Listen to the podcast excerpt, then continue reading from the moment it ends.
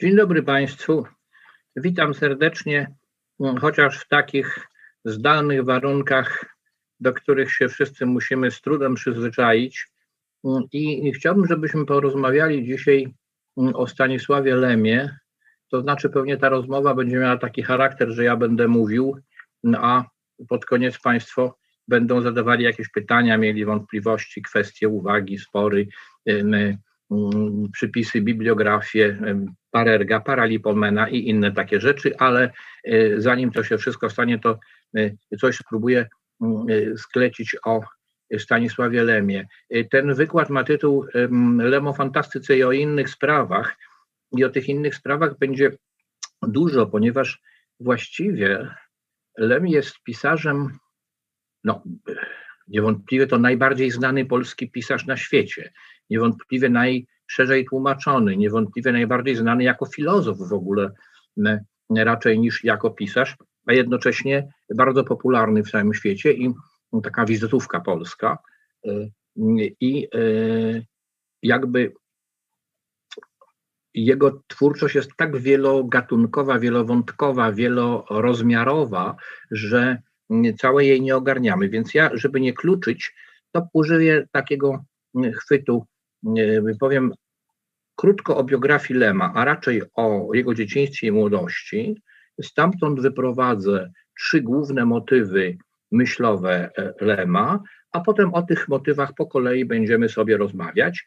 Mm, więc zacznę od tego, że Lem urodził się w 21 roku w Lwowie, e, e, w zamożnej bardzo rodzinie jako syn lekarza, a młodość upłynęła mu jakby między pierwszą a drugą wojną, ale to znaczy, że jakby między walkami, walkami polsko-ukraińskimi w Lwowie w 18 roku i potem e, mm, między polsko-bolszewickimi walkami w roku 20, a gehenną ukrywania się w Lwowie podczas II wojny światowej, ukrywania się w Lwowie, w którym ocalało właściwie kilka rodzin żydowskich. Lem był, Lemowie byli wśród nich. Mm, w Lwowie pacyfikowanym przez NKWD, potem przez Gestapo i SS, potem znowu przez NKWD, Lem tam przeszedł rzeczy straszne, o których w ogóle nie mówił w swojej twórczości. Nie ma u Lema motywu wprost wyrażanej e, wojny, zagłady. To jest zaniemówione.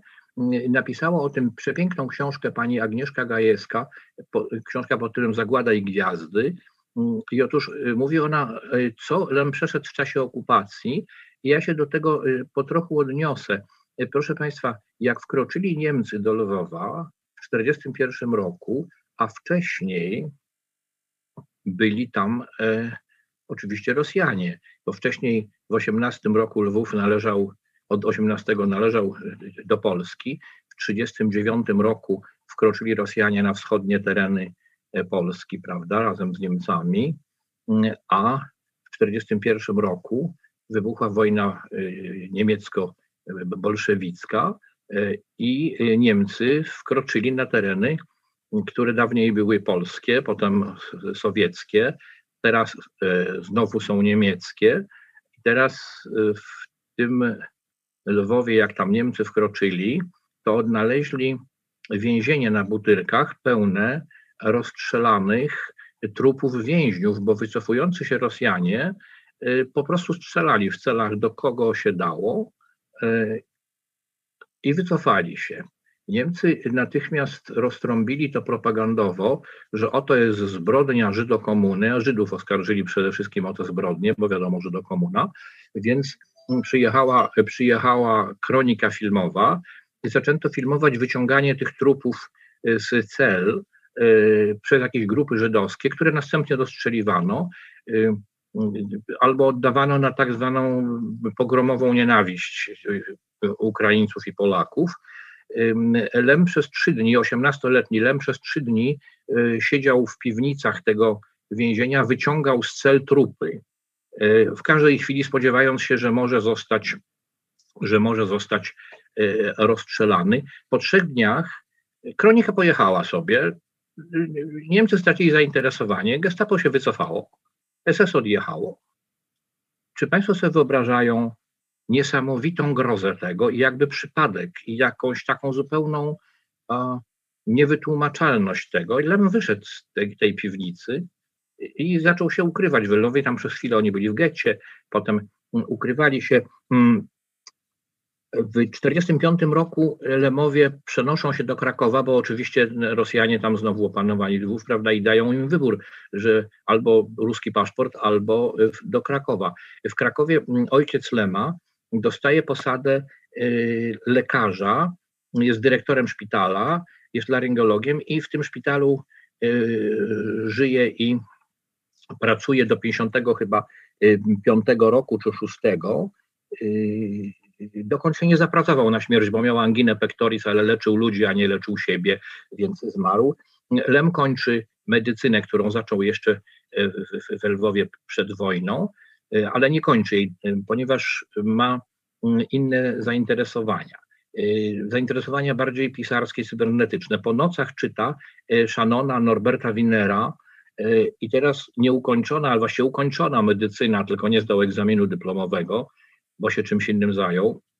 Więc medycyna, czyli grunt myślenia darwinowski, ewolucyjny, zainteresowania y, teorią informacji, czyli to znaczy manipulowaniem informacją, cybernetyką i centralnym sterowaniem społeczeństwa w warunkach kryzysowych i przeżycie Holokaustu, zagłady, czyli totalizmu w warunkach powiedziałbym, eksperymentalnych z obu typach totalizmów, i, tota, i hitlerowskim, i e, rosyjskim, sowieckim. Zaczyna się powojenny czas w życiu Lema od takich właśnie studiów e, naukowych. Można powiedzieć warsztat nowoczesny badacza naukowego.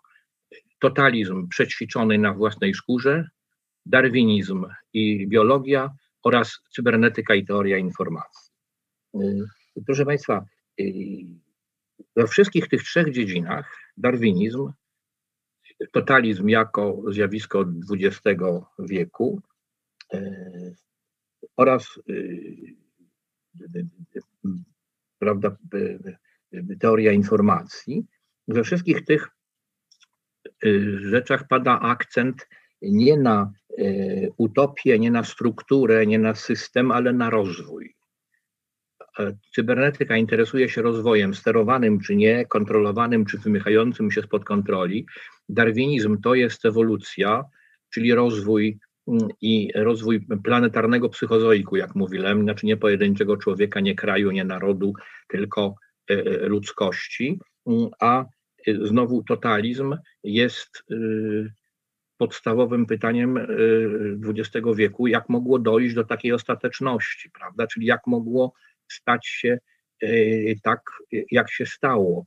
Czyli do czego prowadzą właśnie rozwijane i wcielane w życie utopie ideologiczne i tak dalej. Wszystko się wymyka spod kontroli, prawda? te trzy momenty, można powiedzieć,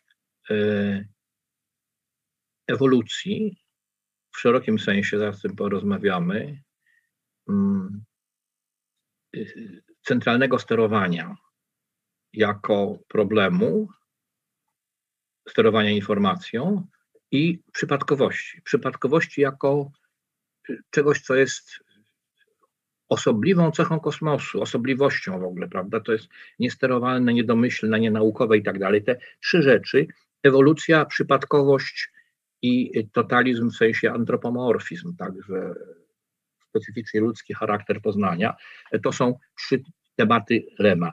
Właściwie jego debiut, proszę Państwa, to są powieści astronauci, bo on pisał różne rzeczy mm, takie do pism naukowych, jakieś recenzje. Ktoś mu w końcu poradził w 1951 roku, w środku socrealizmu, że mm, jest konkurs na powieść fantastyczno-naukową i Lem napisał Astronautów. E, powieść natychmiast dostała pierwszą nagrodę, została przetłumaczona na wiele języków, okazała się świetna. Mm, jej główne motywy to jest odkrycie, że mm, na Wenus, prawda, tamtejsza cywilizacja planowała na nas inwazję. Drugim takim motywem to jest współpraca człowieka z mózgiem elektronowym, jak się wtedy mówiło, bo wtedy były mózgi elektronowe, nie żadne tam komputery, pecety czy inne diabelstwa, tylko przyzwoity, normalny mózg elektronowy, który y, miał się chęć buntować, ale się nie buntował, bo w dobrym socjalistycznym systemie czy komunistycznym, y, gdzie jest władza robotników i chłopów, mózg się nie ma prawa buntować. Więc y, inwazja z Wenus współpraca człowieka z mózgiem elektronowym i nowy napęd y, grawitacyjny, takie tam białe kule, którymi Wenusanie mieli miotać na nas jakieś bomby. Więc to jest już klasyka science fiction. Y, jakby one wskazują też, wskazuje też osie, osie myśli lemowskiej, prawda? Konflikt planetarny jako efekt wyścigu zbrojeniowej technologii,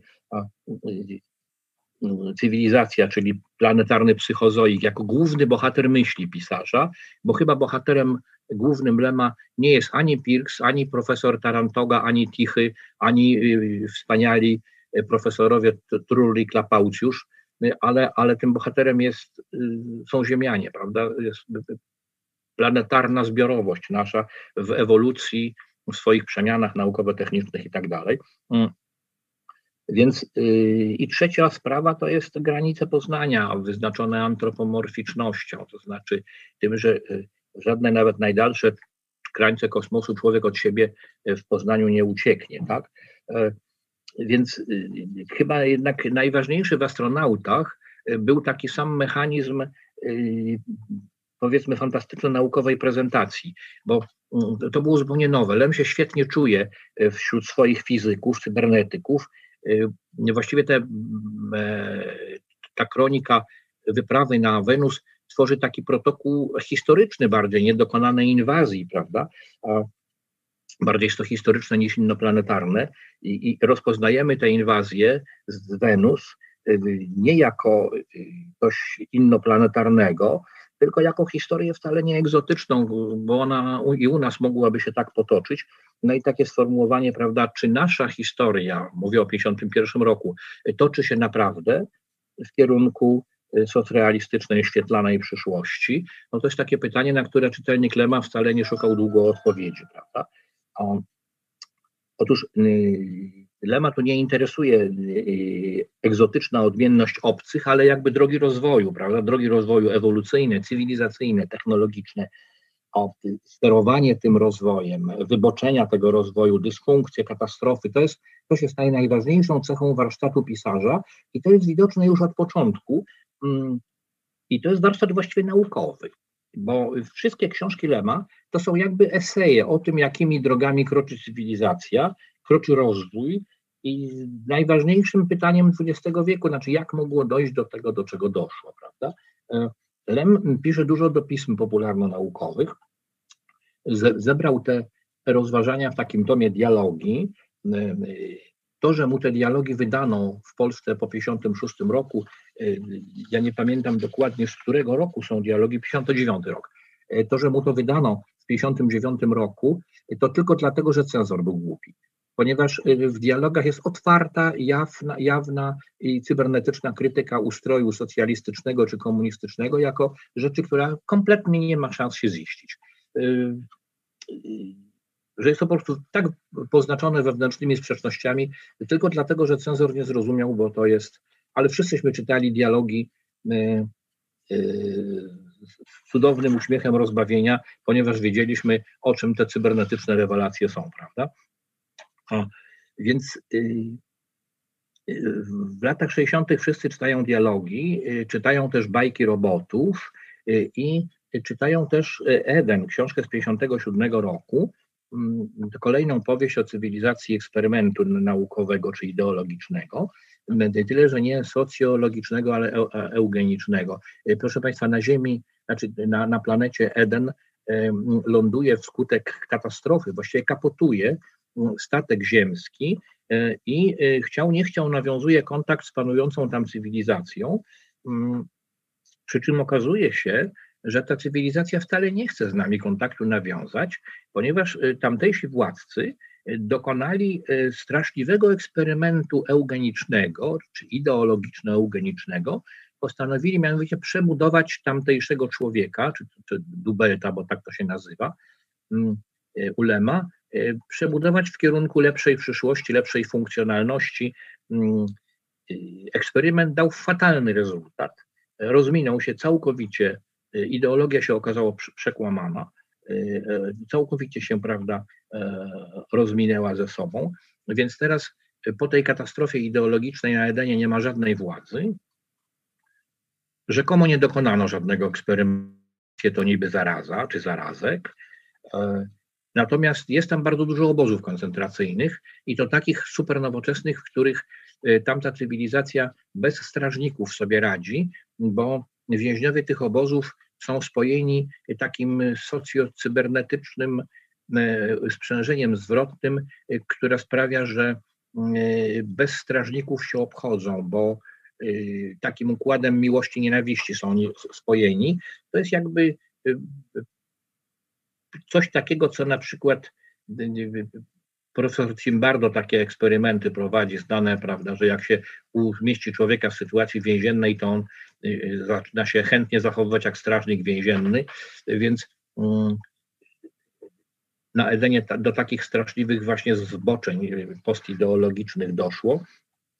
I z tej książki, bardzo gorzkiej zresztą, bo Ziemianie w końcu naprawili statek i y, y, odlecieli, ale pozostał czytelny morał, tak? że wady techniki daje się naprawiać, natomiast obłędne ideologie są dla cywilizacji niszczące.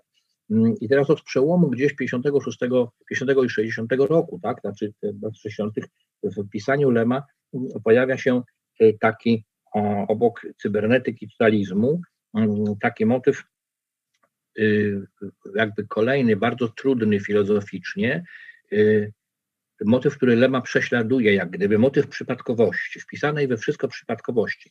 Odpowieści śledztwo, on się pojawia w 1957 roku, przypadkowości jako powiedzmy konstrukcji kosmosu. To znaczy mm, wpisanej przypadkowości, wpisanej w świat informacji, w świat nauki, jako taka niepoliczalność, względność, relatywizm, zasada nieoznaczoności i przypadku wpisanego w świat ewolucji, jako swoista ślepota inżynierii ewolucyjnej, prawda? Budującej bezkierunkowo, bo, bo jej budowy to, to mutacje. I tutaj niesłychanie y, głęboka i jednocześnie bardzo produktywna literacko myśl Lema, y, myśl o gatunku Homo sapiens, czyli o nas, jako o wytworze ewolucji ślepej, bo krzewiącej się gdzie można i jak się da. Lem jest tutaj w myśleniu bardzo podobny do Szymborskiej, z którą się zresztą przyjaźnił. E, tom wierszy Szymborskiej Wszelki przypadek to mogłaby być książka Lema, prawda? O tym, że człowiek wyroił się z pustki i bardzo chce wiedzieć. E, proszę Państwa, Lem uważa, e, i to jest efekt jego wykształcenia medycznego, pomnożonego przez wykształcenie technoinformacyjne, nie tylko uważa, że marksizm, ale w ogóle namysł ludzki wszelki jest dalszym ciągiem darwinizmu, to znaczy, że nasz świat naukowy jest tak samo produktem ewolucji jak nasza biologia, ale uważa przede wszystkim, że z ewolucji wynikają bardzo trudne, bardzo dla ludzi mm, źle wróżące rokowania. Mianowicie ewolucja buduje według Lema byle co, byle jak i z tego, co pod ręką. I z tego wynikają bardzo ważne konsekwencje, ponieważ ewolucja buduje y, z fotosyntezy y, y, aminokwasy, z aminokwasów bakterie, z bakterii glizdy, z glizd E, robale, z robalów jakieś tam insze e, rzeczy, a potem z tego są e, kurczaki, dinozaury, potem jest meteoryt, a potem na nowo ssaki, ptaki, gady naczelne, a potem orangutan, a potem my. Ja oczywiście sobie to gdzieś żartuję, ale Lem wcale nie żartuje, mówiąc, że właśnie ewolucja buduje z tego, co się da. To znaczy, co ma y, pod ręką, to, to buduje, łączy aminokwasy, łączy mm, palce ze skrzydłami, skrzydła z płetwami, łączy wedle inżynieryjnej zasady, że robi, połączy to, co się jakoś ewolucyjnie w sensie biochemicznym da połączyć. To znaczy, jeśli z palców da się zrobić skrzydło, bo z paznokci da się zrobić pióra, no to powstaną skrzydła. Jak się nie da, to nie. E, w tym sensie, ponieważ ewolucja buduje byle co, jej mutacje są ślepe. Nie wiadomo, czy się w kosmosie rozkrzewia wszystko, dlatego że się rozkrzewia. E, ewolucja nie ma celów, w takim sensie, że mm, że ma jakiś podręcznik ideologiczny, w którym się mówi, dlaczego to się dzieje, że z gadów ptaki, z ptaków y, orangutanów, z orangutanów prezydenci, prawda? Y, niektórzy mądrzy. Więc, więc jakby u Lema tak nie ma. Darwin powiedział, że to jest jakby ślepe, ale mówi, nie ma się co cieszyć z tego, że mamy po pięć palców bo moglibyśmy mieć po trzy albo po jedenaście i to, że uważamy, że mamy pięć palców za cud stworzenia, jest klasycznym sposobem myślenia człowieka, który wytwarza z przypadkowości ewolucji absoluty, religie i co się tam, prawda, y, da. O, i obudowuje tę przypadkowość, której nie rozumie, y, nauką, religiami, mitologią, e, fantastyką, słowem dookoła e, samego siebie jako niezrozumiałego płodu ewolucji, obudowuje, e, nabudowuje różnego rodzaju wyjaśnienia, które są w sumie diabła warte, łącznie z nauką, nie w tym sensie, żeby nauka nie istniała, tylko w tym sensie, że ona się rozwija tak zupełnie jakby przypadkowo. Ja tutaj zacytuję Państwu mm, E, Lema e, w późnym e, tekście w Okamgnieniu, on mówi o cywilizacji właśnie z tym wyścigiem naukowym mniej więcej w ten sposób. Wydaje mi się, że jesteśmy trochę jak pędzący z góry rowerzysta, który nie może już ani skręcić, ani zahamować, ani nawet zobaczyć kamieni, na które co chwila wpada. Może tylko z trudem utrzymać się coraz szybciej pędzącego i coraz bardziej podskakującego roweru. Na razie te kamienie nie są jeszcze zbyt groźne, ale prędkość wciąż rośnie. Od dawna wiadomo, że rozwój technologiczny jest zmienną, niezależną rozwoju cywilizacji. Jak się dokona odkrycia, tego nie można zakryć. Jak się stworzy wynalazek, to nie można go cofnąć. A jedno odkrycie pociąga za sobą przynajmniej kilka następnych. Jego się nie da zatrzymać. Wszyscy chcą pędzić do przodu i nikt nie wie dokąd. Więc można powiedzieć, że yy, Y, rozwój nauki, jeżeli to w ogóle jest rozwój, dokonuje się trochę tak jak y, rozwój ewolucji, na ślepo. Jedno odkrycie pociąga następne odkrycie, mm, ale to nie jest przez nic sterowane. To znaczy, nam się wydaje, że sterujemy, ale tak naprawdę to mm, poruszamy się być może od krzesiwa do teleskopu Hawla y, takim ruchem jakby ślepym. Nie wiadomo, co będzie dalej i co odkryjemy, jak to zmieni nas, a wiadomo tylko, że zmieni bardzo. I teraz może opowiem Państwu przez chwilę o trzech katastrofizmach Lema, a potem wrócimy do jego, y, do analizy książek, bo y, w jednym z najbardziej y, uroczych opowiadań w kongresie futurologicznym Lem opowiada o odbywającym się kongresie futurologiczno-ekologicznym w Kostarikanie, takiej urojonej mieścinie, gdzieś w środkowej Ameryce, gdzie y, kosztem wielkich grantów, y, promocji i tak dalej zbudowano fantastyczny hotel, a w tym hotelu y, super promocja, super konferencji naukowej mającej poprawić klimat, zmienić losy świata i tak dalej, i tak dalej. Ją prezydent Ameryki, w asyści ochroniarzy, którzy co chwila otwierają do terrorystów ogień z broni maszynowej. Japończycy wstawiają do projektu konferencji pomysł fantastycznego domu, wieżowca, w którym będziemy mieszkać w przyszłości na 4000 pięter. Okazuje się, że z tego wieżowca nie będzie można w ogóle wyjść, ponieważ mieszka tam tyle osób, że gdyby chcieli wszyscy naraz wyjść, to przez bramy zanim się zmieszczą, to już się narodzą tam nowe dzieci, prawda? Więc będzie to wieżowiec, z którego w ogóle nie można wyjść. Za to można żywić się w nim tym, co ekologicznie przetworzoną żywnością, z czego? No z tych, którzy tam umrą, prawda, albo z ich wydalin i tak dalej. Już na konferencji projekty takiego nowego pożywienia Japończycy stworzyli w postaci pasztecików, które dają do spróbowania uczestnikom konferencji. Nikt tego nie chce jeść, wszyscy upychają dyskretnie pod fotele. Wkrótce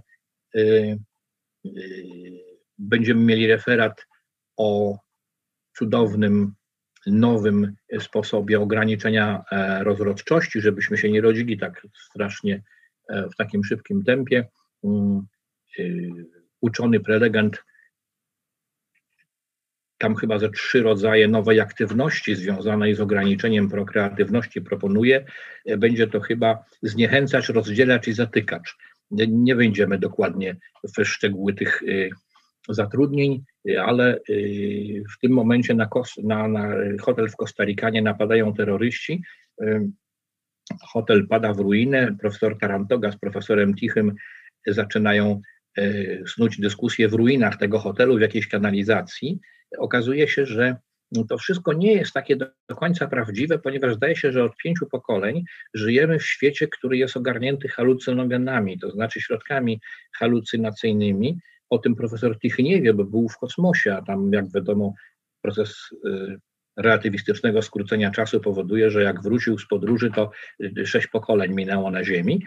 Mm, no ale y, w tym czasie doszło do ewolucji środków farmakologicznych kształtujących świadomość i mm, wszyscy zaczęli ich używać.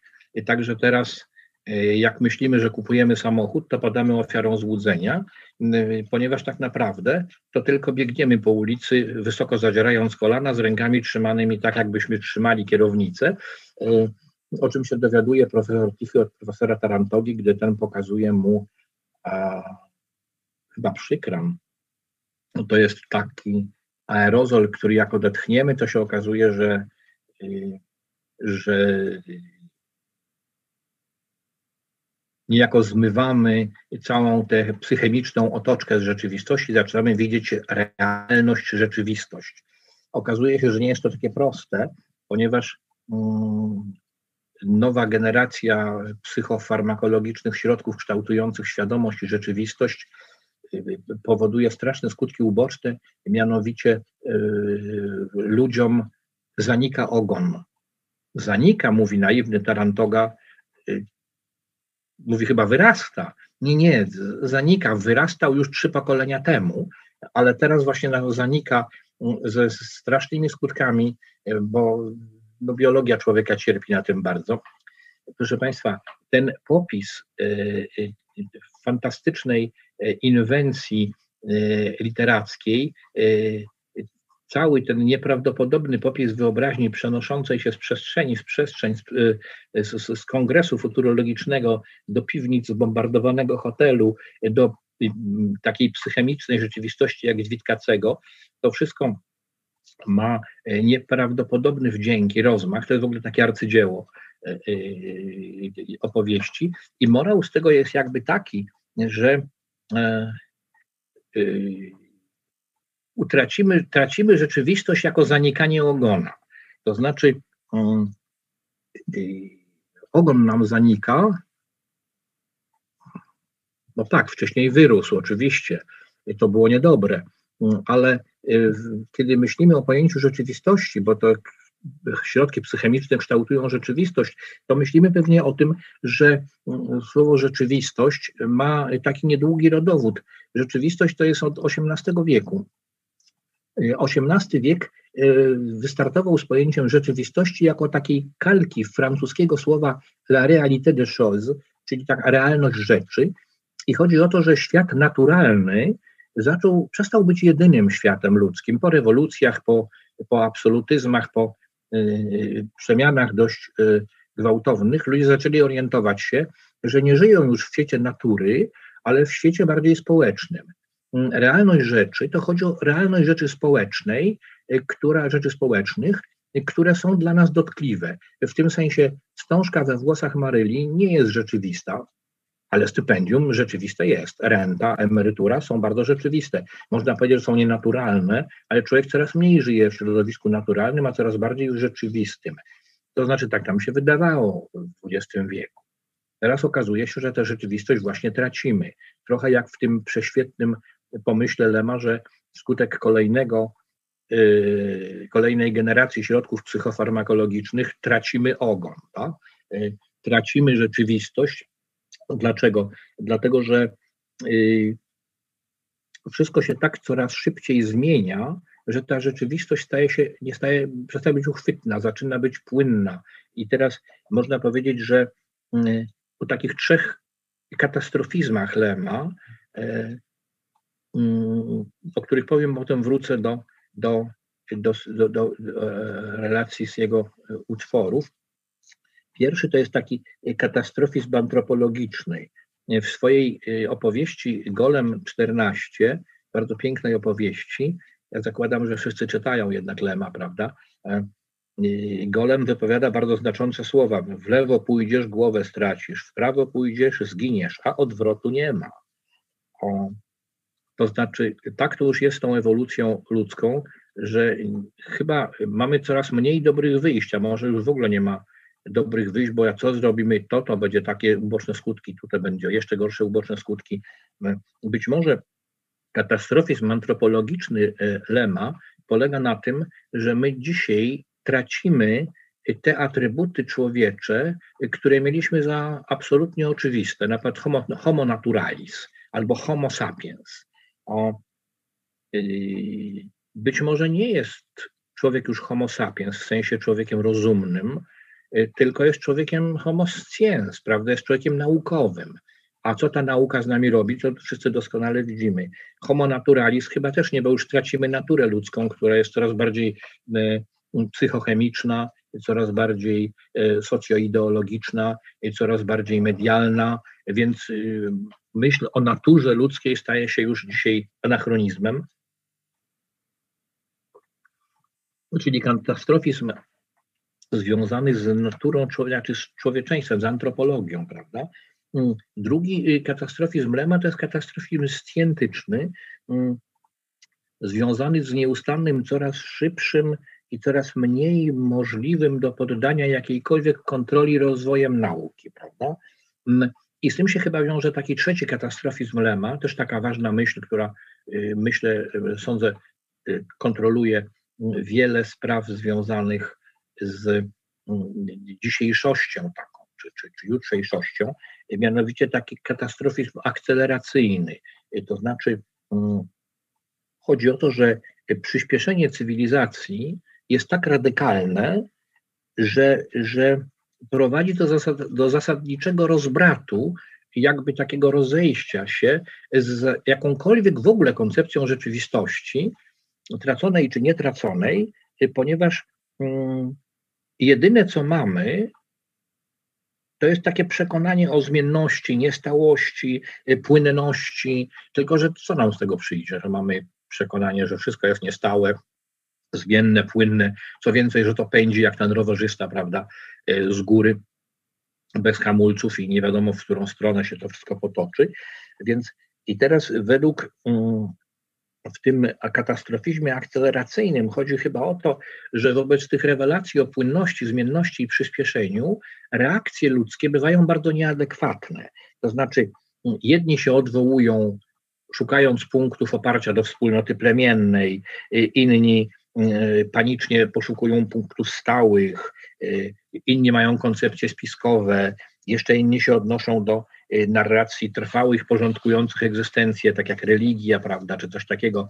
I teraz mm, to wszystko wydaje się dzisiaj bardzo nieostateczne i w tych mm, jakby o katastrofach czy myśl nasza dzisiaj funkcjonuje. Więc mm, i to od, od dość dawna. Y, taką y, ważną książką Lema, może najbardziej sugestywną, y, jest Solaris. To jest z 61 roku książka, więc jest bardzo aktualna. Może najbardziej sugestywna wizja fantastyki Lema. Planetę Solaris pokrywa organiczno-nieorganiczny ocean. Jest to forma życia ze świadomością chyba milion razy potężniejszą od, od człowieka. tyle, że on nie chce gadać. To znaczy na nic granty, stypendia, misje, habilitacje. Już kilka pokoleń badaczy przylatuje do bazy krążącej na orbicie nad planetą Solaris, a jakże są na stażach naukowych, piszą habilitacje, badają ten ocean na wszystkie możliwe sposoby, sondy puszczają z, mm, z satelitów, badają, prawda, i, a ocean milczy. Opis prac o tym oceanie zgromadzonych w bibliotece bazy solaryjskiej jest takim esejem o bezsilności i biurokratyzacji nauki, jakich właściwie mało w literaturze światowej. To jest fantastyczny opis, jak cała ta aktywność naukowa mająca zbadać ten solaryjski ocean, to taki dziwny twór, który faluje jakimiś falami, buduje na swojej powierzchni zdumiewające geometryczne twory, symetriady i asymetriady i reguluje ciążenie własnej planety, wiadomo na pewno, że ma świadomość lub jakąś, jakiś odpowiednik świadomości, jest też świadom obecności bazy e, na orbicie, ale jaką świadomość może mieć pojedynczy, organiczno-nieorganiczny ocean, taka jakaś plazma, prawda, e, organiczno-nieorganiczna, która jest większa niż Atlantyk i Pacyfik razem, co to może myśleć i o czym, jak myśli w ogóle o więc oczywiście nie chcę odpowiadać ludziom, ale zaczął odpowiadać. E, kiedy przesłano y, temu oceanowi twardym promieniowaniem kompletny elektroencefalogram jednego z badaczy. I odtąd y, na planecie zaczęli pojawiać się goście. To znaczy, mm, bohater tej opowieści Kelvin nie dowie się, jacy goście, dopóki, bo oni się z tym, cała załoga stacji się z tym bardzo kryje, dopóki nie pojawi się Harry, to jest jego była narzeczona. Była, dlatego że popełniła samobójstwo. E, on potem przyleciał na e, Solaris do bazy, żeby się zająć pracą naukową, e, a tu się nagle Harry pojawiła. Zwyczajnie się pojawiła w jego sypialni, prawda? Okazuje się, że nie jest to Harry, ale jej suwa kopia. Tylko, że ta kopia sama nie wie, że jest kopią, bo ona się zachowuje jak Harry, myśli jak Harry, rozumuje, rozumuje jak Harry. Co więcej, nie potrafi w ogóle uwolnić się od e, Kelvina. Jest niejako trwale do niego przyspawana. Nie potrafi nawet przez sekundę stracić go z oczu.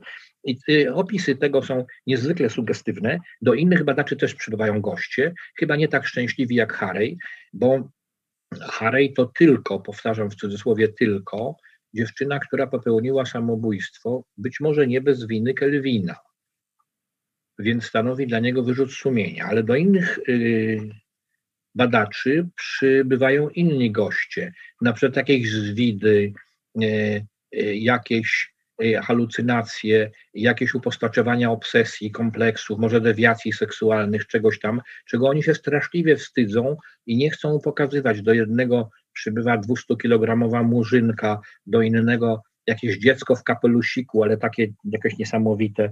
E, I teraz problem polega na tym, że pytanie w tej książce narasta niezwykle mocno, czym są. Czym są ci goście? Czy to jest y, przysłana nam wizytówka, czy odesłana wizytówka? Myśmy przysłali oceanowi wizytówkę w postaci elektroencefalogramu encefalogramu myśli jednego z badaczy, a ocean nam odesłał takie zwidy w postaci, a proszę zobaczcie, czym jesteście naprawdę. A może są w ogóle ślepym zmaterializowaniem się tego, co w nas tkwi najgłębiej. A może są okrutnym cudem ujawnionej samowiedzy, prawda? Solaris nie daje żadnych odpowiedzi, ale mówi o tym, jak trudny czy niemożliwy w ogóle bezsensowny jest kontakt z formami świadomości wszechświata, które są w ogóle nieprzywiedlne do ludzkich, prawda? Jest w tym jakaś filozofia kosmosu, mm, podobnie jak późniejsze tam mniej udane powieści Powrót z Gwiazd czy Pamiętnik znaleziony wannie. Pierwsza jest o społeczeństwie poddanym właśnie chemicznym ulepszeniom, betryzacji, która ma likwidować skłonność do agresji, ale przy okazji likwiduje ciekawość świata, prawda? a druga to jest opowieść bardzo kawkowska o jakimś zagubieniu się w labiryncie kłamstwa, informacji zmanipulowanej, po jakiejś wyniszczającej wojnie, obróconej w mit, w ruinę rozumu, analogiczną do, do ruin wyludnionych schronów czy, czy korytarzy biurokracji i po której porusza się wędrowiec, e, e, e, żywy, ale nie wiadomo czy ocalony. Bo nie wiadomo, czy on nie jest przypadkiem ostatnim ocalałym z jakiejś katastrofy. W ogóle nie wiadomo, kim on jest i to straszne pytanie zawisa nad książką. Mm, gdyby teraz dla, dla potrzeb wykładu rzecz uprościć, chociaż nie omówimy wszystkich książek Lema, to y, wskażmy, że jego myśl się porusza takimi konfiguracjami wokół trzech zasadniczych zagadnień, tworzących osie jego pytań poznawczych. I to wcale niekoniecznie fantastyczno-naukowych. Wokół ewolucji jako inżynierii, tak samo kosmicznej jak gatunkowej czy historycznej, w sensie postępu cywilizacyjnego. I ta inżynieria, tak samo ewolucji, historii, jak poszukiwań naukowych, poszukiwania naukowe też ewoluują, powiada Lem jest ślepa. To znaczy buduje byle jak, byle co i z tego, co pod ręką. Yy, nauka, podobnie jak ewolucja, broczy błędami. Zapędza się ślepe uliczki, ustaje, zaczyna od początku, yy, ale nieustannie produkuje. Idzie jakby od form prostych ku komplikacjom, prawda? Specjalizuje gatunki, specjalizuje historię cywilizacji, yy, która jest taką grą z materią kształtowaną według reguł obróbki naukowej. Tak? Wspinamy się od krzesiwa do teleskopu Hawla, od wudu do wyidealizowanych ideologii, upadamy w totalizmy, w katastrofy cywilizacyjne, znowu się dźwigamy z nich ku nowym wynalazkom, nowym utopiom, coraz bardziej wyspecjalizowanym metalangom. W esejach e, e, Lem używa chętnie tego sformułowania, jakby nowe poziomy nauki, e, metalangi. Tak? Drugą fascynacją Lema niezwykle ciekawą jest przypadkowość, bo to można powiedzieć, ona właśnie ukleja najbogatsze formy. Tak? Mm, ona się nie poddaje naszym teoriom, utopiom, rachunkom. O, jedna z najpiękniejszych opowieści Lema y, to jest fikcyjna recenzja traktatu o niemożliwości życia i prognozowania mm, w doskonałej próżni. To jest zespół świetnych esejów, prawda? Jest to o teorii prawdopodobieństwa i o statystyce. Właściwie tą teorią prawdopodobieństwa i statystyką usiłujemy okiełznać chaos rzeczy przypadkowych, prawda? Wkładamy je w taką policzalną typowość, częstotliwość, które są w gruncie rzeczy religiami, jak mówiłem, religijnymi utopiami nauki. Więc ta opowieść jest o tym, że każde zjawisko bywa, różnie nieprawdopod- bywa równie nieprawdopodobne jak wygrana na loterii, jeśli jest brane oddzielnie. E, to znaczy, jeśli pomyślimy o tym, jaką szansę mieliśmy my, żeby się urodzić właśnie w tej postaci, kiedy zaczniemy obliczać przypadkowość naszego urodzenia od XIX czy od XVIII wieku, to okazało się, że szansa, okaże się, że szansa, że się urodziliśmy taki tu i teraz i w takiej właśnie postaci jest miliardowa, jedna miliardowa. Więc mm, krótko mówiąc, statystyka to pewien rodzaj e, oszustwa e, czy mm, takiego złudzenia, prawda? No więc mm, indywidualność jest równie nieprawdopodobna jak wygrana na loterii, gdy brana oddzielnie, ale się wciąż zdarza. Ewolucja jest całkowicie przypadkowa, ale w tych przypadkach jednak ku czemuś idzie. O, społeczeństwo centralnie sterowane, prawda, wpada od niedostatku sterowania w biurokrację, a od nadmiaru sterowania w totalizm. I tak samo nasza myśl, prawda, czyli e, e, emanacja samowiedzy gatunku, porusza się między jakby biegunami mm, zupełnej niepoznawalności, y, a poznaniem absolutnym. Zupełna niepoznawalność to jest czarna dziura kosmiczna, z którą nie wiemy, co robić, a absolut, fikcja absolutnej poznawalności to jest boskość, prawda? Y, a statystyka jest jakby między tymi, między tymi y, skrajnościami mediacją i to też nie do końca, nie do końca sensowne. Tak? I teraz gesty automitologii homo sapiens idą zawsze ku sakryfikacji z własnego bycia jako absolutności. Tak? O, a gesty z kolei demitologizacji tego bycia wskazują właśnie na przypadkowość, byle jakość ewolucyjnego projektu homo i idą w groteskę, w kpinę, żart. I to są takie dość ważne akty poznawcze ulema. Lem jest trochę podobny do Witkacego, w takim sensie, że z jednej strony demaskuje właśnie głębie i absoluty jako gatunkowe samouwielbienie. My się uwielbiamy widzieć jako dzieci Boga, jako e, wspaniałe istoty, no w ogóle korona stworzenia, prawda? Nic piękniejszego niż człowiek na tym świecie. Mm, e, istnieje w dłoni Boga, tak? Natomiast w grotesce żarcie, żarcie czasem okrutnym e, Lem widzi szansę poznania pewnego autentyku, prawda? Autentyku właśnie przypadkowości i byle jakości, tego, że no nie jesteśmy koroną, nie jesteśmy czymś najpiękniejszym, co się w kosmosie przydarzyło. O, co więcej, Golem XIV, yy, niezwykle ciekawa, yy, niezwykle ciekawa tak, taki pomysł Lema. Yy, to jest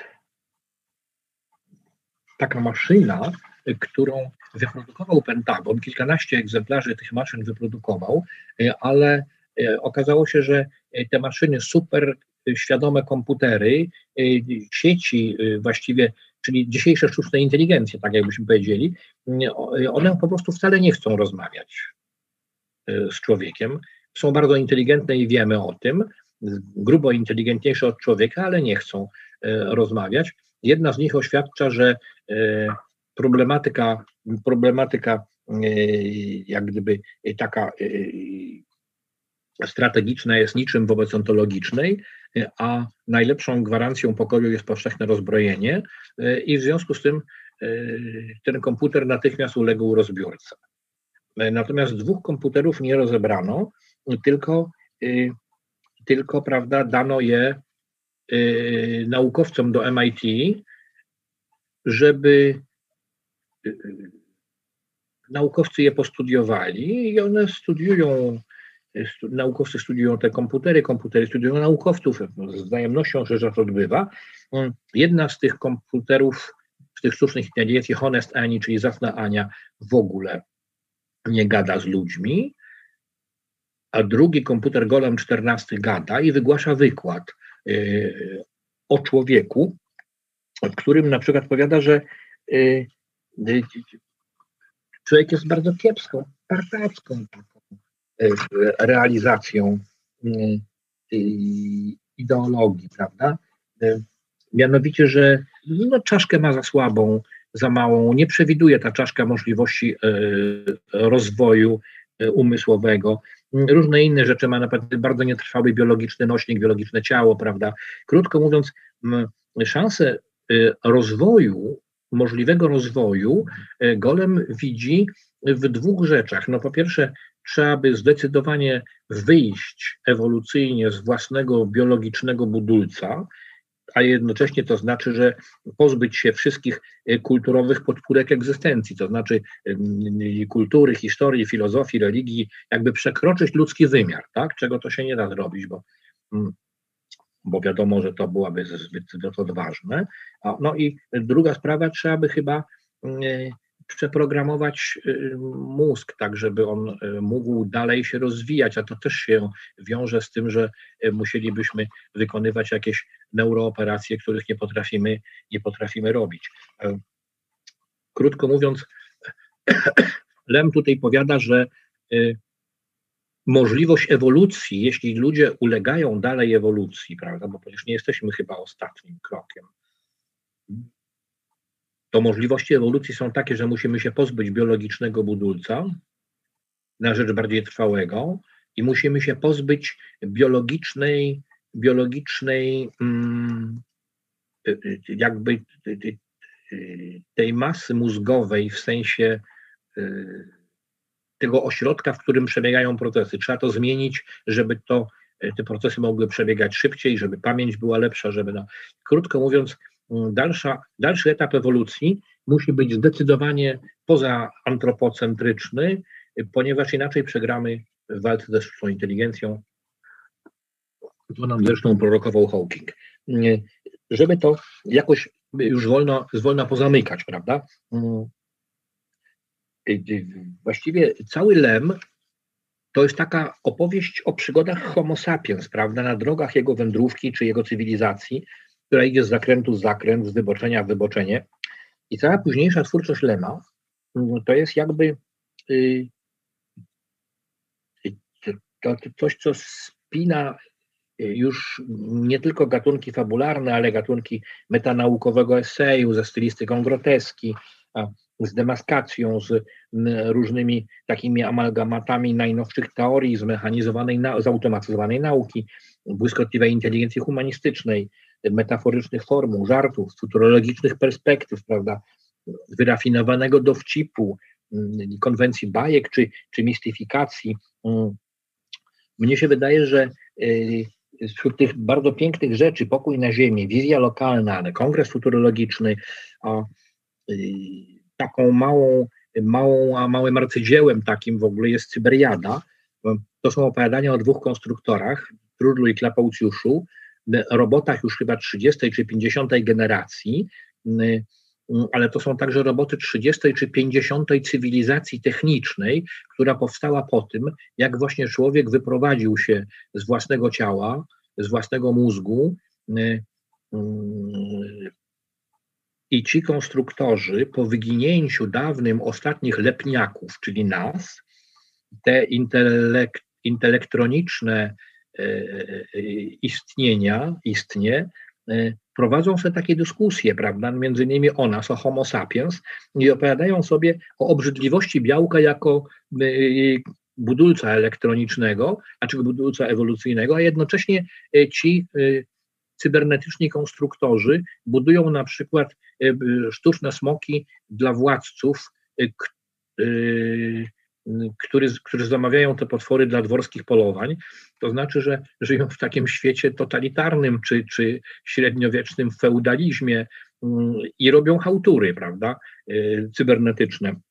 Więc to jest bardzo wielowątkowa twórczość Lema i bardzo e, pięknie rozpostarta między e, futurologicznym esejem, a właśnie jakąś taką e, przezabawną, przezabawną groteską czy, czy żartem, niekiedy bardzo, bardzo mądrym i bardzo takim, prawda, głębokim. Żeby to jakoś, proszę Państwa, zamknąć, to no jeszcze tutaj można by powiedzieć o książce Fiasko, ostatniej powieści Lema, y, które jest takim majstersztykiem intelektualnym właśnie antropomorfizmu czy antropocentryzmu jako niemożliwości kontaktu. Y, mianowicie jest to wspaniała powieść w sensie naukowym. Opowiada cudowną historię Y, zastosowania nowoczesnej fizyki, y, pulsary, kwazary, przyspieszenia i spowolnienia czasu, żeby dostać się do jakiejś planety, na której, mm, ma, którą mamy y, nawiązać kontakt.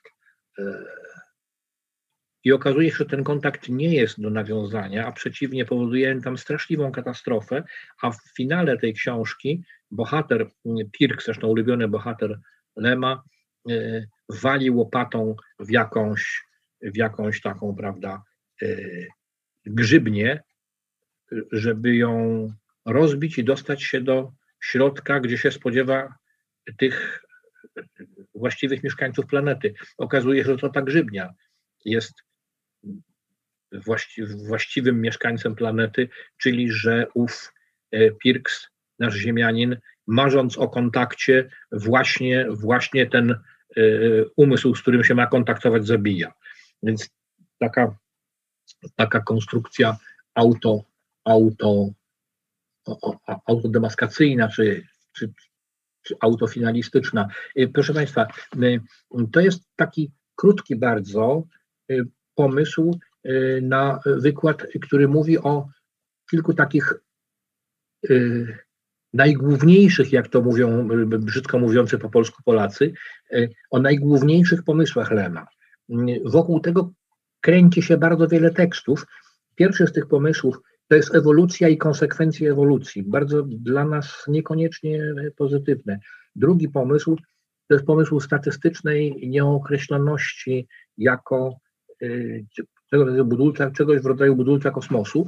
I trzeci pomysł to jest antropomorfizm jako nieprzekraczalna granica poznania ludzkiego. Gdzie byśmy nie pojechali, czego byśmy nie tknęli się, to wnosimy w to swój właśnie ludzki, antropomorficzny charakter i nie poznamy oceanu, bo nam wzrok przesłoni Harę i prawda, wyrzutu sumienia nasze i nie poznamy w fiasku cywilizacji Kwintan, chociaż się tam dobierzemy do tego ze wszystkimi prawda, tymi. Na, na końcu chciałem Państwu, już nie mamy czasu, więc tylko króciutko dam popis Lemowskiego, Lemowskiego stylu z jego książki wspomnieniowej. Mm, co on robił w szkole? Otóż w szkole zajmował się Lem y, filozofią polegającą na tym, że używałem atramentu, tuszu, kolorowych ołówków chemicznych i monet, którymi wyciskałem pieczęcie we właściwych miejscach.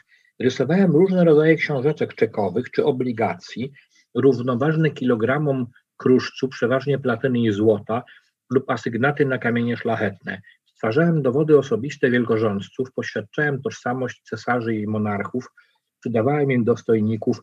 Łatwo też mogłem sobie wyobrazić, jak kiedy legitymowany okaże pierwszy blankiet upoważniający niniejszym, zapewne mniejszym zapewne funkcjonariuszom, taki bardziej zwykły z dwoma trójkątnymi ledwie pieczątkami, klucznicy z niejakim ociąganiem będą przed nim odsuwali rigle, jak potem odwróciwszy się nieco w bok, wyrwie drugi zielony, a już i oficerowie na jego widok z lekka zesztywnieją, jak na stół wartowni wyższego piętra ciśnie trzeci i czwarty, biały promiennie, z krwawą, okrągłą pieczęcią główną, a oni wyprężą rozdygotane kolana, aby mógł przejść przez ich szpaler salutujący ku drzwiom wysokim, które klucznik generał przed chwilą nieprzystępność uosobiona, w mundurze od złota kapiącym, teraz cały w pocie służbistości gorliwej, oburącz przed nim na baczność rozszarpnie, aż dźwięk odskakującego zamka zleje się w jedno z dźwiękiem diamentowym jego orderów i będzie starzec posągowy blaskiem dobytej szpady cześć oddawał nie osobie przekraczającej próg, ale niepozornemu grzbiecikowi formularzy blankietowych, jakie wysłannik trzyma od niechcenia w ręku. Proszę Państwa, Lem się w szkole zajmował tym, czym my wszyscy zajmowaliśmy się w szkole, tylko myśmy sobie rysowali różne rysunki, a portret dziewczyny rysowały panienki w długich włosach i odziane w różne modne ciuchy, chłopcy rysowali czołgi albo grali w okręty, a Lem przy pomocy kolorowych tuszów, żyletek budował legitymację.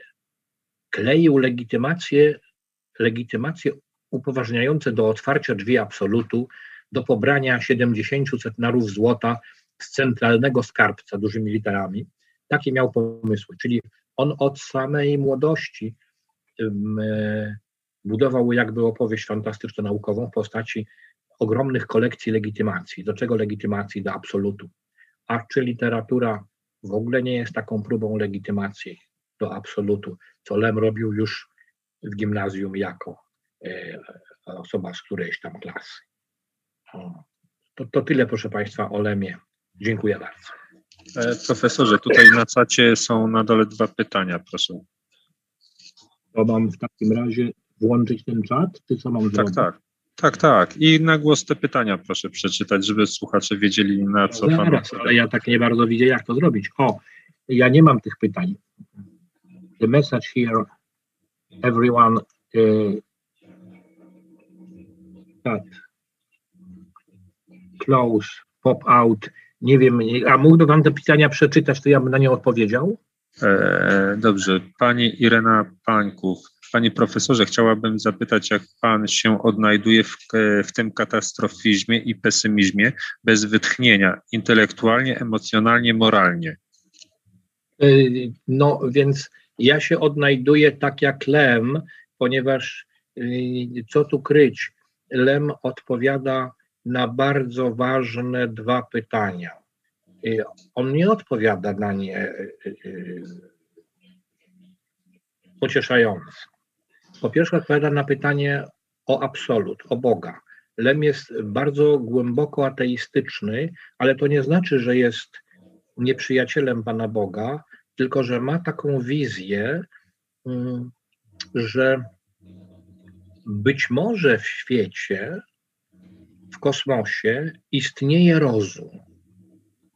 Niech Państwo sobie wyobrażą rozum jako taką istność, która się porusza przez różne nośniki, media, cywilizację, ewolucję, po to, żeby sięgnąć wysokich poziomów i gdzieś już na nieposiężnych dla nas wysokościach na przykład zarządzać kosmosem. Jest takie opowiadanie kosmos jako gra. Więc krótko mówiąc, pytanie o Boga jest takim pytaniem pośrednim e, na pewnym niskim szczeblu ewolucji. Lem jest bardzo głęboko ateistyczny, więc tutaj jakby bez pociechy. To pytanie, jak się odnajdziemy w tym świecie? No ciężko, bo nie ma pociechy. Natomiast e, to do, do takiej sprawy właśnie moralnej, czy, czy o, jakby to powiedzieć, z, z, z lemowskich z Lemowskich, e, szukam takiego cytatu, który on sobie na grobie kazał wyryć. Zaraz go znajdę. E, z Lemowskich pomysłów teoretycznych nie wynika wcale, e, że mamy być, że mamy być, że, że wszystko można, tak? Boga nie, w mordu można. Przeciwnie, jest jakby tak, że jesteśmy o, znajdę to.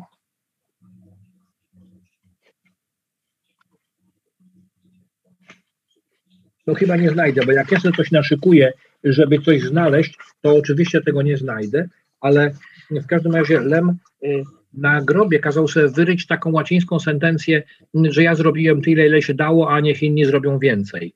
Więc y, Lem mówi tak, no trudno się nam odnaleźć, ale po prostu y, nie mamy innego wyjścia. Jesteśmy właśnie jak ten rowerzysta, który jedzie mm, coraz szybciej w dół, bez hamulców.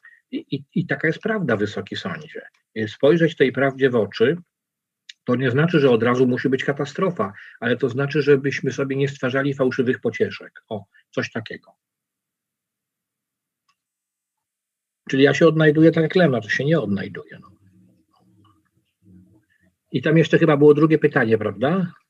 Tak, tak. I IMHO, przegranie ze SI, jest rozwojem ludzkości. Nie, nie jeszcze raz, gdyby Pan był łaskaw przeczytać jeszcze raz. E, IMHO, przegranie z SI, jest rozwojem ludzkości. Przegranie z SI, tak, ze sztuczną inteligencją, tak?